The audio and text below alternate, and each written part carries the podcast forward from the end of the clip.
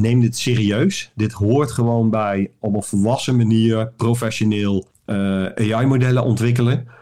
Welkom bij een nieuwe aflevering van de podcast Business vooruit met IT van InfoSupport. Een podcastserie over digitale transformatie. Vandaag met Head of Research Center AI bij InfoSupport en voortleader op het gebied van Artificial Intelligence, Joop Snijder.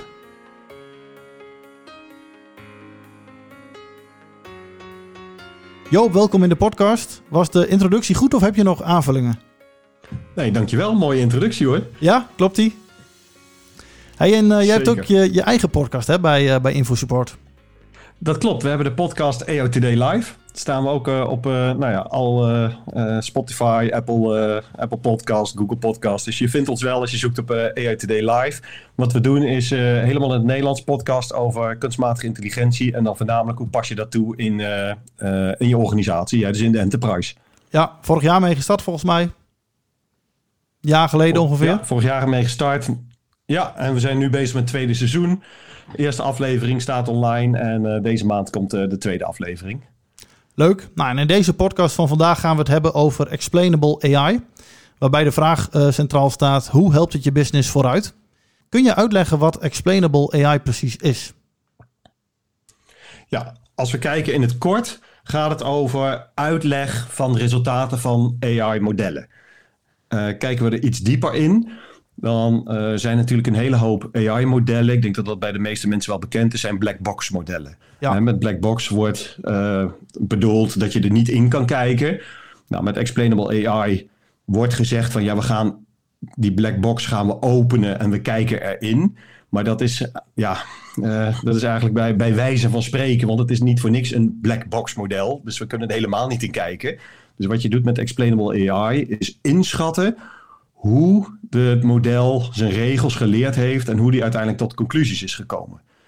En uh, daar probeer je een uitleg aan te geven aan uh, nou ja, uh, hoe je er dan van buitenaf tegenaan kijkt tegen, tegen die inschatting. En is dat dan een hele een soort van technische formule of kun je dat gewoon heel simpel in normale mensentaal zeg maar uitleggen? Nee, normale mensentaal is het zeker nog niet. Het is ook een, een technologie die nog vrij onvolwassen is, vind ik zelf. Dus wat je nu hebt, er zijn allerlei manieren en methodes en technologieën. Hè? Dat is niet één dingetje of zo. Uh, en de uitleg die je op dit moment krijgt is vrij technisch en typisch iets wat, ja, waar je echt uh, diepgaande expertise voor moet hebben. Hè? Dus echt op het niveau van data scientist om te snappen wat die uitleg is. En om, om een voorbeeld te geven van hoe, hoe het kan werken, hè? een van die manieren is wat ze dan noemen is uh, feature permutation is wat je doet. Hè? Dus je, uh, een AI train je. dus je geeft je allemaal data. Daar uh, destilleert hij regels uit. En dan kan hij voorspelling doen of een klassificatie of uh, nou ja, whatever. Hè? Dus er komt een conclusie uit uit het model. En wat je kan doen, stel we hebben een model gebouwd die voorspelt wat de huizenprijs gaat worden uh, op basis van input als zijnde van nou, de inhoud van het huis, waar die ligt, het postcodegebied, hoe dicht die bij een school uh, is. Uh, je hebt dan heel veel van dat soort gegevens. En dan komt bij een bepaald huis komt eruit dat het drie ton is. Ja. En wat, wat, wat je met explainable AI kan doen, is daar nou, vrij brute force die features, hè, dus de, de inputs die je aanlevert, ga je veranderen. Zeg je van, maar wat nou als we naar een ander postcodegebied brengen? Of als die nou verder weg ligt van een school? Uh, nou, van al die inputs ga je veranderingen doorvoeren. En dan ga je kijken welke heeft nou uiteindelijk de meeste impact op uh, de voorspelling gehad. Dus bij, bij welk uh, van die inputs verandert die voorspelling het meest? Een soort correlatieachtige manier van kijken van wat heeft nou welk effect. Ja, en dat geeft dan een inschatting van deze input heeft voor dit huis, want het is heel lokaal, ja. um, de meeste invloed gehad op de voorspelling. Nou, dit is een, een relatief eenvoudige manier. Uh, en je kan je voorstellen dat, uh, wat ik al zeg, het is heel lokaal. Dus het zegt niks over hoe het hele model uh, geleerd heeft, hoe die aan zijn regels is gekomen. nou ja, dat het dan ook vrij intensief is, zou je dat van van alle mogelijke uh, ja, voorspellingen zou je dat willen weten. Ja, dus het gaat wel echt om eigenlijk met terugwerkende kracht een heel specifiek antwoord kunnen verklaren en niet begrijpen hoe het hele model werkt. Ja, want daar heb je weer andere methodes voor. Uh, dus het is echt wel.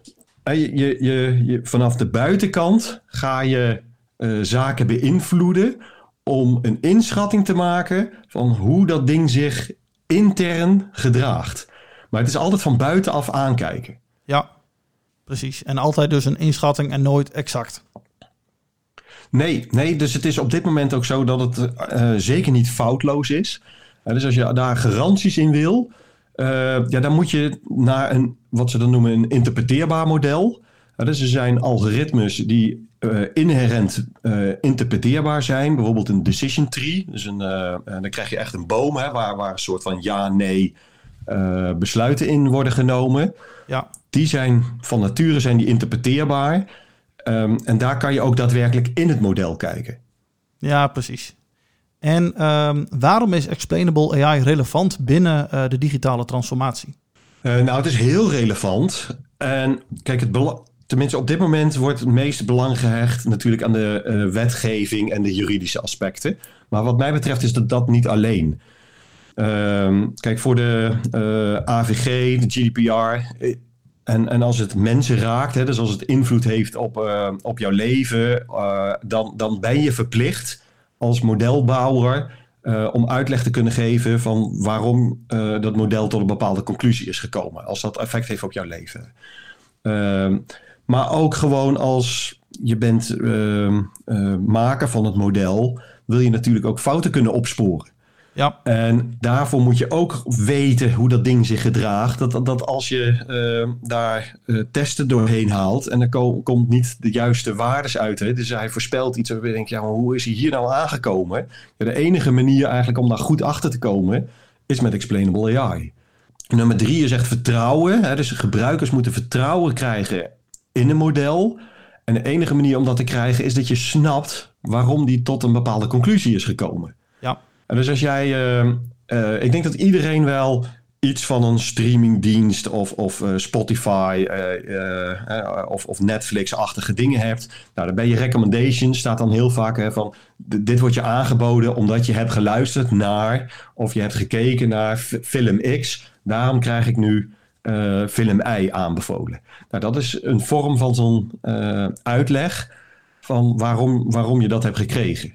Ja, maar daar is vertrouwen waarschijnlijk wat minder belangrijk.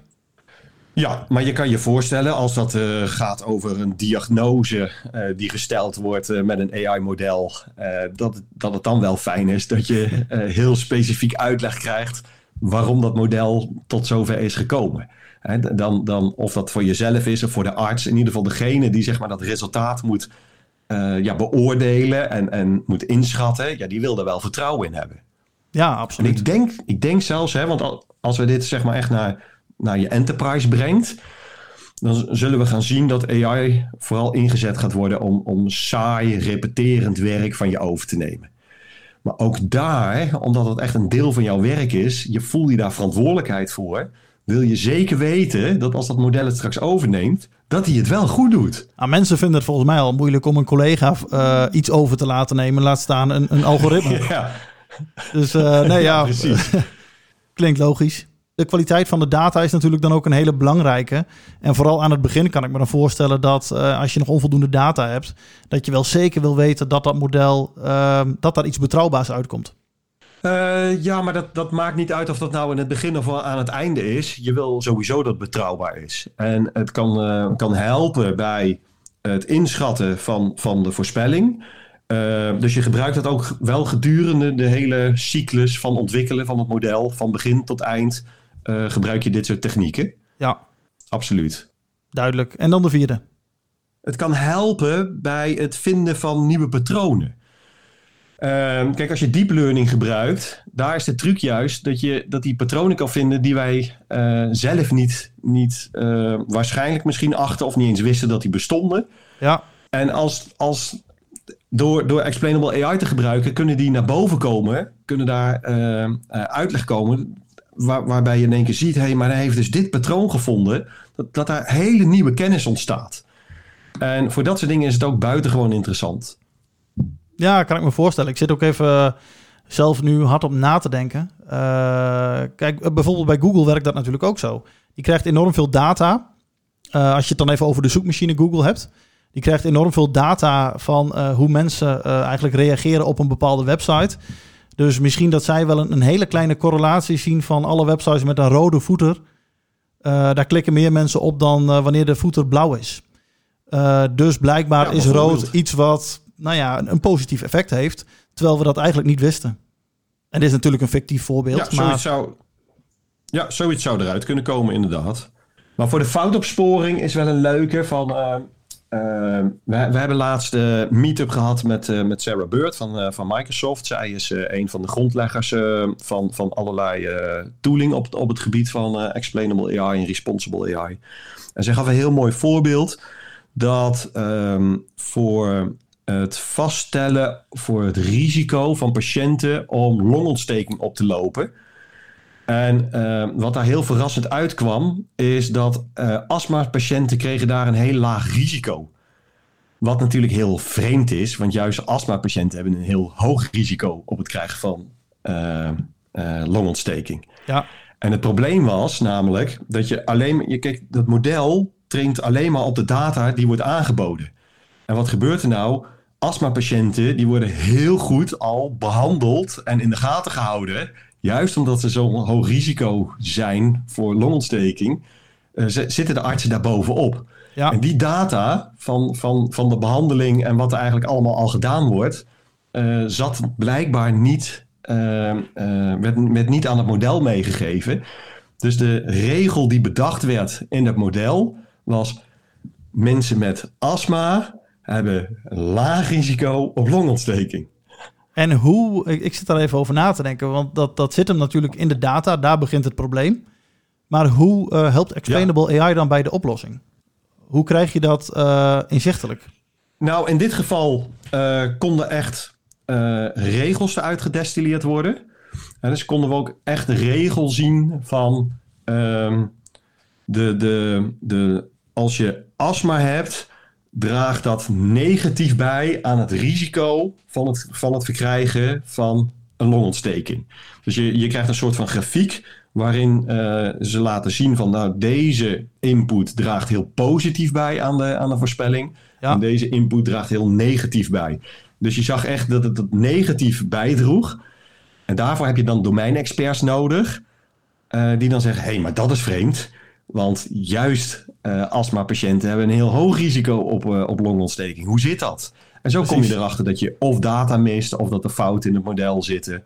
Uh, dus dat helpt je echt bij de ontwikkeling en het beter maken van je modellen. Ja, dus vooral inderdaad ehm, ja, om te valideren. ja, daar komt iets uit, je moet dat valideren.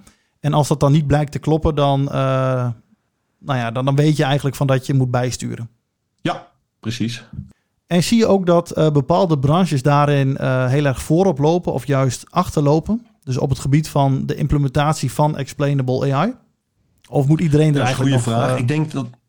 Oh, sorry. Ja, dat laatste. Dat laatste. Wat je ziet ja. dat in de breedte, dat, dat, dat hier te weinig aandacht aan wordt besteed. En dat is in die zin tweeledig hoor. Omdat waar ik mee begon van de, de technologie is nog onvolwassen maar wel volwassen genoeg om nu al in te zetten. Want de, het wordt steeds belangrijker. Uh, de mensen die het nieuws hebben gevolgd hebben misschien ook gezien hè, dat er al stukken zijn uitgelegd, uitgelekt uh, vanuit de EU om te kijken naar nieuwe regelgeving, wetgeving. Uh, dus de AVG regelt al dat, dat als het jou in ieder geval voldoende raakt, dat, dat die uitleg noodzakelijk is. Maar er komt nieuwe wetgeving aan, of dat, dat willen ze in ieder geval, waarbij dit nog strikter, nog strenger wordt. En in mijn idee ook noodzakelijk. Uh, dus ik, ik zou zelf vinden dat, dat er geen nieuw model in, uh, in, uh, in het publieke domein mag komen straks. zonder dat daar een uitleg bij aanwezig is. Hè? Van je, je, ja, omdat het zo belangrijk wordt, het wordt echt onderdeel van ons leven, ja. hoort dit er gewoon bij. Nou, we zien sectorbreed dat dit te weinig wordt gedaan. En vaak is dat wel kennisgebrek. Wat wel zonde is, want ik vind gewoon als, uh, als jij expertise hebt in dit vakgebied, hoort dit er gewoon bij. Het is gewoon oh. onderdeel van je vak. Is dit ook nieuw? Bestond dit drie jaar geleden? überhaupt de term? Uh, ja, zeker. Nee, maar deze term komt, uh, moet je echt denken aan. Ik, ik heb het even niet paraat hoor, maar daar hebben we het over de jaren tachtig. Ja, dus precies. het is niet, de, term, de term is niet nieuw. Maar ik denk dat je ziet dat de noodzaak. Dat die steeds verder doordringt. en dat het steeds duidelijker wordt waarom we dit nodig hebben. Mensen die misschien op Netflix Coded Bias hebben gezien. Nou, dan, als je nadat je dat hebt uitgezet niet voelt waarom dit nodig is dan, uh, ja, dan, dan zou ik haast zeggen van uh, ja, ga, ga een ander vak zoeken. Want het is, uh, ja, het is, echt, het is echt, echt heel belangrijk. Maar misschien dan ook omdat gewoon de afgelopen drie jaar heel veel bedrijven met AI zijn gestart.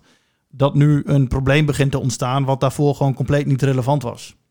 Voor de meeste organisaties. Ja, nee, zeker. zeker. Kijk, hoe, hoe meer we het gaan gebruiken, hoe meer het uiteindelijk onze levens gaat, gaat beïnvloeden. Uh, ja, hoe relevanter het wordt. Helemaal mee eens, ja. Hoe zou jij de maturity van explainable AI in Nederland op dit moment uh, omschrijven? En waar verwacht je ook dat dat over drie jaar staat? Dus gaat daar veel in gebeuren? Ja, er gaat zeker veel in gebeuren. Wat ik net zei, hè, dus die, die wetgeving die gaat daar een enorme boost aan geven. Je wordt er zo direct gewoon toe verplicht. Ja. Uh, net als dat we op een gegeven moment de privacywetgeving kregen. Uh, wat je zag is dat er ook heel veel druk vanuit gewoon uh, uh, ja, de publieke opinie komt. Hè. Mensen verwachten het, gaan het ook eisen.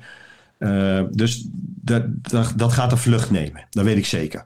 En misschien dat er ook wel een soort we, we van. Staan... Oh, sorry. Ja, een soort wisselwerking kan ontstaan. Dus dat um, meer bedrijven ook met AI aan de slag gaan, omdat het vertrouwen groeit, omdat mensen gewoon weten.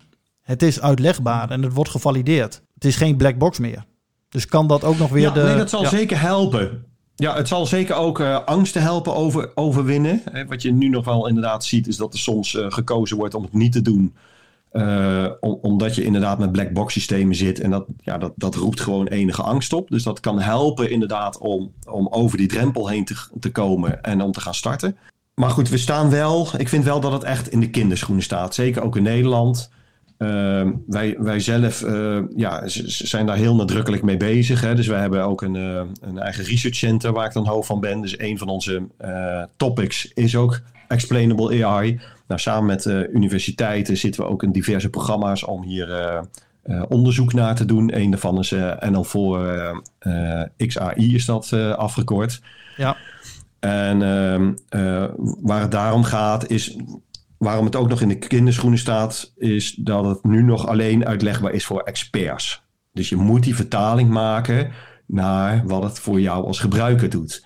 En dus hoe kom je nou van grafieken, getalletjes, uh, dat soort zaken naar begrijpelijke taal, waar jij naar, in het begin naar op zoek was. Ja, hè, dat ja. je heel, heel helder, hè, dat, dat, dat iedereen het begrijpt. En zelfs dan nog kan je je voorstellen dat als je, ik pak weer even die arts, arts-patiënt, dat kennen we allemaal wel van wil je ook nog uitleg op jouw niveau? Uh, ik wil vaak diepgaande uitleg van mijn, uh, van mijn dokter. Uh, terwijl misschien mijn moeder wil veel minder specifieke termen. En die wil misschien horen, het gaat goed, het komt goed, neem deze medicijnen. Ja. En dat je het op een heel hoog niveau, nou misschien oneerbiedig gezegd, je hebt een Janneke taal, dat te horen krijgt. Dus er zijn ook nog eens een keer verschillende niveaus waar het op afgestemd moet worden. Je hebt bijna weer AI nodig om het. Om zeg maar dan die data die daaruit komt begrijpbaar te maken en op verschillende niveaus te kunnen presenteren. Nou, niet bijna. Dat, dat, de, op, op dit moment doen we daar met dat uh, Europese project doen we daar onderzoek naar. waarbij je inderdaad kijkt van ja, hoe krijg je nou dat op elkaar afgestemd? Ja, ja duidelijk. En verwacht je ook dat dan, nou, drie, drie jaar is misschien te snel, maar dat over vijf jaar dit gewoon standaard altijd overal een onderdeel is van een AI-traject? ja, absoluut. Het wordt gewoon onderdeel van je, uh, van je workflow. Uh, dus, dus vanaf het design ga je nadenken. Wat voor uitleg heb je nodig? Wie heeft welke uitleg nodig? Waarom doen we het? Uh, misschien weet je, heb je uh, modellen die helemaal geen mensen raken. Die helemaal niks met, met privacy of allemaal dat soort zaken te maken hebben. Maar, maar zit je nog steeds met dat de data scientist wil weten van of die een goed model maakt. Uiteindelijk de uitleg heb je gewoon nodig. Je hebt altijd gebruikers die daar vertrouwen in moeten hebben. Dus je, je, ja, ik, ik geloof niet dat we over vijf jaar. Nou, laat ik, het laat ik het andersom formuleren. Ik denk over vijf jaar, als je dit niet inzet, uh, dat je wordt behandeld als uh, een niet-professionele AI-expert. Ja. En stel, ik luister deze podcast en ik gebruik op dit moment al AI. Kan ik dan heel makkelijk met terugwerkende kracht dit implementeren? Of is het meer geschikt voor uh, mensen die nu starten? Nee hoor, het kan beide. Weet je, ik zou echt zeggen van, van begin. Dat is echt het allerbelangrijkste. Uh, veel van die uh, methoden zijn wat ze noemen model-agnostisch. dus het maakt niet zo heel veel uit wat voor model je al getraind hebt. Je kan het tegen bestaande modellen aanhouden. Ja. kijk, als je, als je start en je hebt nog niks, dan kan je beter in je ontwerpproces nadenken wat het doel is, wat je ermee wil bereiken. Uh, kan je er rekening mee houden met de keuzes van de algoritme? Nou, als je al wat hebt liggen, ja, dan, dan uh, wordt dat een stukje lastiger. Maar je kan al wel beginnen om te kijken van, nou, voor wie zou je het willen doen en welke technieken zou je in kunnen zetten om daar een start mee te maken. Dat kan zeker. Ja, ja en dan is misschien die wetgeving wel de belangrijkste voor de korte termijn als argument, zeg maar, om hiermee aan de slag te gaan, denk ik. Ja, en ook uh, uh, als je data scientist bent, weet je, kijk van of er geen hele gekke fouten uiteindelijk in je model zitten. Ja. Want je kan een, een prachtige uh, accuracy hebben of een F1 score of welke metriek je dan ook gebruikt. Toch kunnen daar nog hele rare quirks in zitten in je model. die je met explainable AI eruit haalt en die je niet met dat soort metrieken ziet. Nee, dan is misschien de einduitkomst wel goed Alleen de manier hoe het tot stand is gekomen klopt wellicht niet helemaal. Nou, zelfs misschien is de uiteindelijke uitkomst ook niet eens zo heel goed. Nee, maar eh, kijk, dan heb je misschien sneller dat je daarna gaat kijken. Maar op het moment dat het wel goed is, dan, dan denk je misschien van, nou ja, ons, ons AI-model werkt. Uh, terwijl toch misschien onder de motorkap er iets zit wat, wat eigenlijk uh, ja, de uitkomst minder betrouwbaar maakt. Ja, ja, zeker. Oké. Wat zou jij organisaties willen meegeven die, uh, die hier nog niks mee doen en hiermee aan de slag willen? Het belangrijkste is wat ik net zei, starten. Beginnen. Begin met um, uh, kennis opbouwen, uh, lezen hierover, expertise uh, zoeken.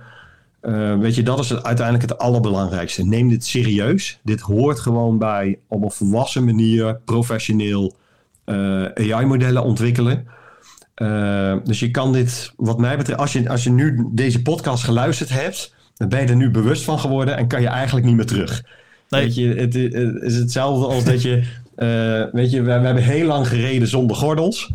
Uh, en uiteindelijk is er een bewustwording gekomen van, ja, je, je bent toch wel heel veel veiliger als je je gordel omdoet met autorijden. Weet je, je kan niet meer terug. Nee, dan kun je niet meer die dus kennis vergeten. gewoon Nee, toch? Dus nee. echt begin. Dat is gewoon uh, begin uitroepteken. Top. Nou, mooie woorden. Sluiten we daarmee af.